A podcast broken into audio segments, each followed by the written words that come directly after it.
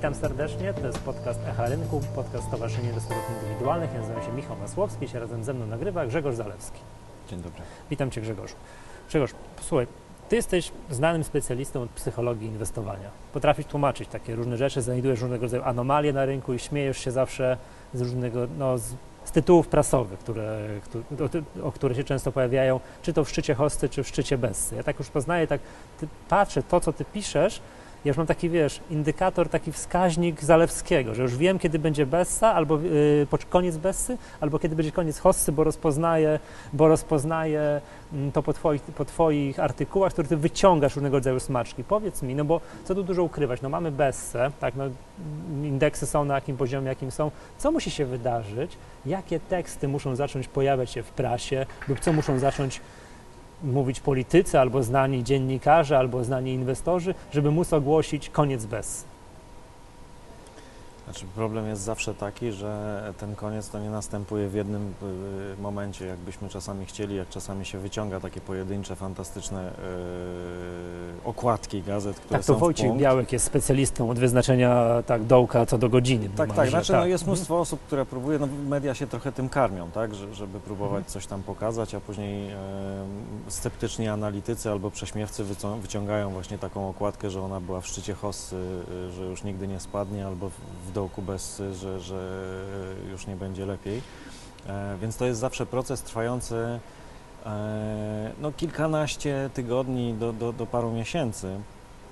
I taka sytuacja u nas już się pojawiła. E, przed tymi wzrostami ostatnimi, e, czy właściwie należałoby powiedzieć przedostatnimi, bo teraz mamy już spadki od jakiegoś czasu e, znowu, trochę są pochodną sytuacji politycznej, trochę są pochodną tego, że rynki generalnie rozwijające się też osłabły, bo miały bardzo dobry początek roku. Tak, to jest, to jest interesujące, że mm, u nas narzekano w ubiegłym roku, że jesteśmy tym najsłabszym rynkiem, po czym nagle zaczęliśmy rosnąć. Na to się oczywiście nałożyła sytuacja polityczna w Polsce, co dla niektórych było sygnałem, że nie jest tak źle, skoro rośnie. A to oczywiście trochę było złudzenie, dlatego że rosły emerging markets. My rośliśmy bardzo dobrze, tak? Czyli jeżeli nasi no. politycy, czy część strony politycznej jest przekonana, że to dzięki ich działaniom i zabiegom e, rosły ceny polskich akcji, no to również dzięki ich działaniom rosły ceny akcji w Brazylii, Turcji i, i tak dalej. Tak, a, a przedtem dzięki ich zabiegom spadały już do dramatycznie niskich poziomów. Tak, tak. tak? Więc to też ja, rosły, ale popatrzmy z jakiego poziomu. Ja bym polityków tutaj bardzo ładnie oddzielił, odciął, żebyśmy już nie musieli się tym zajmować, bo to nie ma, nie ma sensu. Nie, no zajmujmy się, bo, e. oni, bo, bo ja cię, chciałem dopytać, co oni muszą powiedzieć, żeby odnotować, wiesz, nie, ubić no, zawsze da się, tak, no, nawet po tej ostatniej decyzji o, o, o ratingu to, to mhm. było wiadome, co powie jedna strona i co powie druga strona, tak? Teraz po spadkach dwa dni później można powiedzieć, że role się zamieniły, bo e, pierwsza strona powie, że to bez znaczenia, a druga powie, że a jednak reakcja e, mhm. przyszła, więc e, na razie sobie to e, darujmy. E, wrócę do tego, do tego pierwszego Twojego pytania. Te sygnały już się zaczęły pojawiać jakiś czas temu. E, takie właśnie teksty, że, że polska giełda, e, no to właściwie już należy ją zaorać do samego końca. Rozpoczęli to niestety znów politycy, tak, likwidując część e, programu funduszy emerytalnych. No ale to jeszcze to, to już dawno było, prawda? To już dawno, tak, mhm. no ale te, to, to nam się odbija cały czas czkawką, tak? Te mniejsze obroty, mniejsze zainteresowanie, brak kupowania papierów w długim terminie. E, więc można powiedzieć, że to jakieś tam konsekwencje tego cały czas są, są widoczne. Ale w związku też z tym pojawiło się, że w ogóle po co ta giełda istnieje, to były takie pojedyncze, pojedyncze teksty. E, jednym z najfajniejszych takich zwrotów, albo jednym z najfajniejszych rzeczy, którą w tym ostatnim czasie e, zauważyłem, to właśnie po tej fali wzrostów, która dotknęła emerging markets, było takie stwierdzenie. Ono chyba się nawet pojawiło w jakiejś dyskusji prowadzonej przez parkiet, albo nawet na jedynce parkietu, ale chyba w dyskusji, jeden z zarządzających powiedział, E, że e, te wzrosty to w ogóle są irracjonalne i, i przypadkowe. Ja, ja, zawsze jak piszę jakieś teksty albo ludziom tłumaczą, to mówię, że tam gwiazdka powinna być i to oznacza nie kupiliśmy akcji, nie zdążyliśmy, tak? To, to mniej więcej tylko tyle mhm. oznacza. No, to jest tak jakby inne wzrosty były racjonalne no i więc właśnie, no to jest to, to, prze, to mhm. przekonanie mhm. o tym, że, że my jesteśmy w stanie ocenić, co jest racjonalne na giełdzie, a co nie, a już od, od czasów Newtona, e, który sam stwierdził, że nie jest w stanie zrozumieć tego, co stoi za motywami ludzi w czasie rozwijających się hossy, sam tracąc mnóstwo pieniędzy, e, na giełdzie. Wie, wiemy, że człowiek nie jest racjonalny. Współczesna psychologia i, i, te- neuronauki jeszcze Ci bardziej nam to profesorowie zajmujący się wiesz, teorią portfelową, wyceną, wycenami byliby teraz no, zszokowani. No byliby zszokowani, tak? ale to ja mam takie przekonanie, że ja się trochę boję tego powiedzieć, bo takie mam przekonanie, że w Polsce e, e, tej akademickiej, no to zaczęliśmy żyć w takim skansenie, który już się dawno temu skończył, tak? E, Świat współczesnych finansów się rozwinął, zrobił tak potworny skok, jeśli chodzi o naukę o mózgu, jeśli chodzi o naukę o naszych nieracjonalnych albo rac- pseudoracjonalnych zachowaniach, a my twardo trwamy przy teorii portfelowej, przy hipotezie rynku efektywnego, która mówi, człowiek jest racjonalny, tak? A ja, a ja e, tak, e, w danych warunkach, czyli w każdych warunkach inwestor powinien kierować się wartością oczekiwaną. Tak, I Teraz oczywiście. znajdźmy inwestora, tutaj przechodzę, już jesteśmy na giełdzie i tak definicja wartości oczekiwanej, słucham. No prawda? nie, no, ale Także- to nawet nie o to No. chodzi. No ja, ja bym zapytał y, wielu akademików, co stało za tym, że lata temu kupiłem akcję y, Wistuli, dlatego że mi się podobał ich płaszcz, tak? Y, Wistula wtedy była po swojej zadymie opcyjnej, y, czyli była y, jakaś tam szansa na upadłość. I po pierwszych zawirowaniach okazało się, że być może się uratują. I ja pamiętam, że zrobiłem wtedy taki deal za 1000 zł. Kupiłem akcję Wistuli. Ten płaszcz był drogi. On był bardzo atrakcyjny, ale był drogi. Ja Czy nie- kupić akcję za tysiąc czy płaszcz za tysiąc? Zaraz. Połączę te dwie Mhm. rzeczy. Płaszcz był drogi, ja, ponieważ mam problem z wydawaniem zbyt dużych pieniędzy na ubrania, Mhm. uznałem, że kupię go za mniej, jak go przecenią, a pewnie go przecenią, jak Wistula upadnie. Ale ponieważ szansa była na to, że ta Wistula się uratuje, to kupiłem za 1000 zł akcje Wistuli, licząc na to, że jak wzrosną, to sobie zarobię na ten e, płaszcz. No i rzeczywiście udało mi się zarobić jakieś tam kilkaset złotych, bo, bo one No, odbiły. Witu- Wistula nie Płaszcz upadła, został tak. przeceniony, ale jak drugim razem poszedłem do, do sklepu, to już mi się przestał podobać. E, No i teraz, jakie jest racjonalne uzasadnienie mojej decyzji? Oczywiście można fantastycznie to racjonalnie uzasadnić, ale ono nie, nie wiązało się z wartością oczekiwanią, z granicą efektywną, nie wiązało się z tym, czy ja coś uważam o bistuli, patrzę na wskaźniki. Nie, to był deal e, trochę hazardowy, e, irracjonalny. E, albo racjonalny, ale w, z powodów, których, których e, nie znamy. Ale odbiegamy Właśnie, bo strasznie zdrowowaliśmy, chciałbym Tak. wyciągać te takie smaczki, bo to jest bardzo ważne, inwestorzy drodzy. Szukajcie tytułów prasowych, takich jak właśnie Grzegorz za chwilę powie, co muszą już ludzie, jak to mocno, na jakiej rangi politycy muszą giełdę zamykać, żebyśmy już wiedzieli, że jesteśmy blisko bez, y, na Znaczy bezce. wystarczy że, wystarczy, że to się pojawi dość często. E, Z tym, że sprawa jest utrudniona, jeżeli chodzi o Bessę. Bo tak, w czasie hossy e, to jest łatwe, bo jak trwa hossa, to ona zaczyna e, być wszędzie, tak? Zaczyna być w serialach, w magazynach dla kobiet, w magazynach dla dzieci jeszcze nie widziałem, przynajmniej polskich, e, ale, ale może nie wszystkie czytam. E, Teraz powspominamy dawne czasy, jak, to szczyt, jak rozpoznać szczyt hossy. To też chciałbym, No tak, no dyskutowali na 2007 to. rok, Tak. czyli w jednym z seriali pojawia się y, chłopak, który zarabia pieniądze na giełdzie i coś tam. Ga gazety kobiece właśnie, które do tej pory zajmują się co najwyżej finansami osobistymi, jakimś tam oszczędzaniem, zaczynają pisać teksty i ty możesz zostać inwestorem, i ty, inwestorką, akcjonariuszką i tak dalej, i tak dalej. Z Bessą jest trudniej, no bo brak zainteresowania oznacza, że nie ma zainteresowania, tak? Mhm.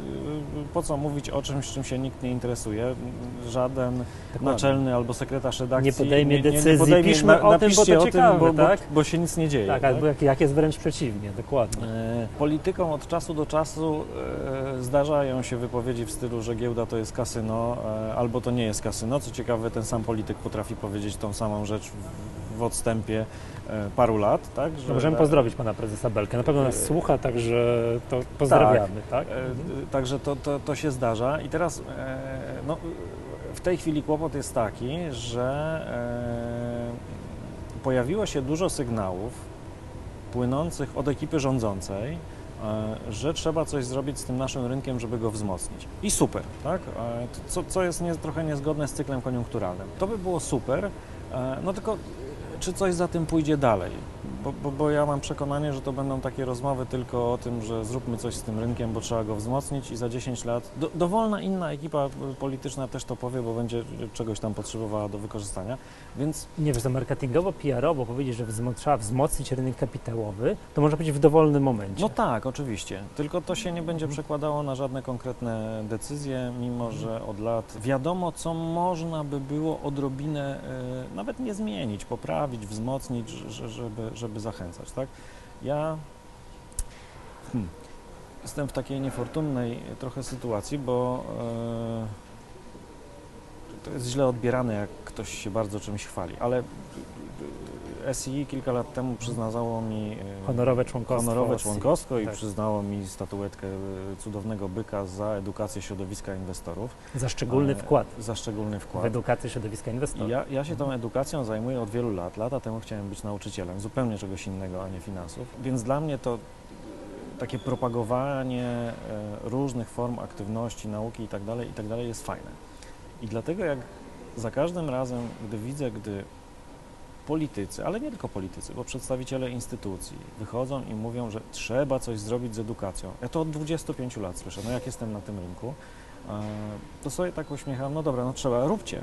Przestańcie mówić, że trzeba zrobić coś z edukacją, tylko róbcie. Tak? No i tu wracamy z powrotem do, do, do e, trochę do takiego spoiwa tych wszystkich e, naszych e, rozważań. Ludzie w Polsce boją się giełdy. E, Ten strach przed giełdą, e, no to jest przekonanie o tym, że to jest kasyno, że w ogóle banksterka, że nikt na tym nie zarabia. No wiesz co, taki stereotyp y, tego, że jak inwestor giełdowy i w ogóle giełda, inwestowanie, to jest takie, że to jest bardzo niebezpieczne. To No jest oczywiście, ryzykowne, jak mnóstwo rzeczy w rekiny finansowe biegają i gardła I podrzynają tak, i to jest i- szalenie niebezpieczne żeby inwestować na giełdzie, no doktorat z ekonomii dobrze by było mieć, Tak, tak, bo no, to jest trudne. t- t- Taki tymczasem- jest stereotyp. No, no jest i dlatego, znaczy ze, ze stereotypami da się walczyć wyłącznie edukacją Mhm. sensowną, na każdym poziomie, tak? Można zaczynać od dzieciaków poprzez szkołę podstawową, później na studiach, później rozmawiając ze zwykłymi ludźmi, Mhm. Nie robiąc od czasu do czasu teksty, jak jest szczyt hossy, że zostań inwestorem, tak? Tylko pokazując, czym jest ta giełda w, w różnych obszarach, tak? E, No, SI, nie tylko SI, jest od dwóch czy trzech lat moda na mówienie o dywidendach chociażby, tak? To jest moje E, hobby, od razu I, się i, I znów dla zwykłego człowieka to jest jakiś tam abstrakt e, trochę, tak? Co, co to w ogóle, o czym oni mówią, tak? A, gdyby wyciągać, e, nie wiem, wziąć takiego przeciętnego człowieka, który wchodzi do galerii e, handlowej, tak? I on od wejścia do galerii handlowej ma do czynienia ze spółkami giełdowymi, o których nie wie, że są na giełdzie, tak? A gdyby te spółki nie zrobiły emisji lata temu, to w życiu by nie rozrosły się do takich e, rozmiarów, nie płaciłyby tych dywidend i tak dalej, i tak dalej. I teraz zamiast ten Byłyby małymi mówić, fabryczkami gdzieś tam. no tak jak to było przez długi czas, tak? My, Mhm. my w tej chwili do, dochrapaliśmy się naprawdę y, sporej liczby spółek globalnych i nie mówię tu o byłych spółkach, y, tych wielkich molochach państwowych, które są spółkami bądź nie są Skarbu Państwa, tylko o małych firemkach. Ja już tak zupełnie prywatnie no, mogę wspomnieć o, o CD y, projekcie, z którym 20 lat temu pracowałem wspólnie z CD Projektem, wynajmowałem tą samą y, niezbyt atrakcyjne biuro e, w centrum e, Warszawy. To, to, to była grupa chłopaków pracujących na, zdezelowanym sprzęcie, z tego samego automatu do kawy korzystaliśmy. E, No i oni w tej chwili są globalną firmą rozpoznawalną na świecie. E, I teraz tak, wszyscy ci, którzy mówią, że giełda to hazard tak dalej, niebezpieczna, niebezpieczna, nie mamy na tym jak zarobić, to ludzie tacy jak ty, mówiący o dywidendach, no bo ja jestem spekulantem, ale ludzie tacy jak ty, Mhm. mówiący o dywidendach, e, powinni mówić, ale możesz skorzystać z tego wzrostu, tak? Jak kupisz ich akcje, no to e, oczywiście to zależy od koniunktury, czy na nich się zarobi, czy straci, ale oni jakoś tam się dzielą tym swoim sukcesem właśnie w postaci Mhm. pieniędzy z Wiedźmina, na którego wydałeś 120 zł, a jakbyś trzymał, e, nie wiem, akcje CD Projektu od 5 lat, nie mam pojęcia ile płacą dywidendy, to może byś odzyskał, nie wiem, 6 zł, czy 10, czy 15, tak? Bo nie wiem, jakie to Wiem, są wiem, wiem. No rzędy to jest, wielkości. ale to jest to, co mówisz, to jest bardzo długoterminowe myślenie. E, Ale takie, cała edukacja jest długoterminowym tak, I myśleniem. to jest, wiesz o co chodzi, a jak mówimy o długoterminowym myśleniu, o długoterminowych działaniach, to nie jesteśmy w stanie zauważyć wyników w krótkim terminie. I to jest, Oczywiście. a to jest problem już no, szerszy, bo skoro na, po co wydawać na coś, co nie jesteśmy w stanie, wiesz, jakiegoś miernika za miesiąc przyłożyć, o nie widać, no to nie wydawajmy tak. na to pieniędzy. Co więcej, my chcemy natychmiastowych efektów i wracamy do tego, dlaczego w szczycie hossy ro, robimy tak, a, a w dołkach inaczej, tak? Czyli w szczycie hossy widzimy, że wszyscy mają natychmiastowe, krótkoterminowe Mhm. efekty, bo mój sąsiad zarobił pieniądze, bo ktoś tam zarobił pieniądze, więc ja też postanowię. Nie mam zielonego pojęcia, co to są procenty. Nie wiem, co to jest w ogóle ta spółka, jakieś dziwne nazwy ma, ale przecież wszyscy zarabiają pieniądze. W drugą stronę zaczyna się Bessa i mamy mówienie o hazardzie, o banksterach, o, o, o czymkolwiek innym, byle tylko tego nie, nie, nie dotknąć, bo przecież ja się na tym e, nie znam. Dokładnie. Dla mnie e, takim wskaźnikiem na to, że jesteśmy faktycznie być może blisko tego klepania dna Bessy, są wypowiedzi ministra Eckiewicza, który na pytanie takie, czy by dalej, nie, pytanie o prywatyzację, po co, na co, nie ma sensu. I dawał jasno do, zroz- do zrozumienia, gdzie wprost to mówił, że gdyby miał pieniądze, to by te wcześniej sprywatyzowane, już sprzedane akcje na rynku no, tych dużych spółek Skarbu Mhm. Państwa, to by odkupił z powrotem.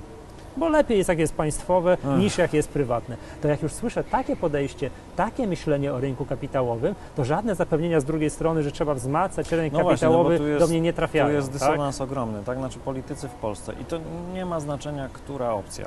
Rynek kapitałowy traktują absolutnie e, przedmiotowo jako coś, co można wykorzystać albo tak, albo siak. To zależy od Mhm. tego, co reprezentujemy i co w danym momencie nam jest potrzebne. Być może pomysł na e, e, znacjonalizowanie ponowne e, nie jest głupim pomysłem, tak przewrotnie, bo kolejna ekipa, która przyjdzie do władzy, później sprzeda to drugi raz i, i, i, i tak, będą tak, pieniądze tak. dwa razy za to samo. E, W tej chwili chyba już nie ma co prywatyzować, bo został lot, o którym słyszę od 15 lat i poczta, o której słyszę od 15 lat, e, więc zdaje się, że obie firmy są w takim stanie, że, że, że nikt... Znaczy wiadomo, jakie będą efekty y, próby sprzedaży tego. Nie bardzo jest komu tego sprzedać, bo zagranica e, może by i kupiła, a może nie. OFE nie kupią, Mhm. bo nie istnieją praktycznie. E, No ale to, to, to, co mówisz, pokazuje właśnie to, y, że w jednej audycji powiemy coś takiego, a w drugiej powiemy o tym, że trzeba wzmacniać rynek kapitałowy, co jest absolutnie Mhm. e, sprzeczne. Dlatego my, je- jedyne co nam pozostało, no to tak, jeżeli jesteśmy aktywnymi spekulantami, czy inwestorami, czy, czy akcjonariuszami, to róbmy swoje na tej naszej giełdzie, która jest taka, jaka jest. E, Ty y, opowiadaj o dywidendach. Ja będę cały czas ludzi uczulał na to, żeby nie poddawać się presji mediów, presji pojedynczych artykułów. Tak, Także to jest na- trudne, bo chciałem właśnie przed A nagraniem rozmawialiśmy, że myślałem o jednej spółce, no powiem, o Enerdze, która rok temu z hakiem była po 20, ponad 25 zł.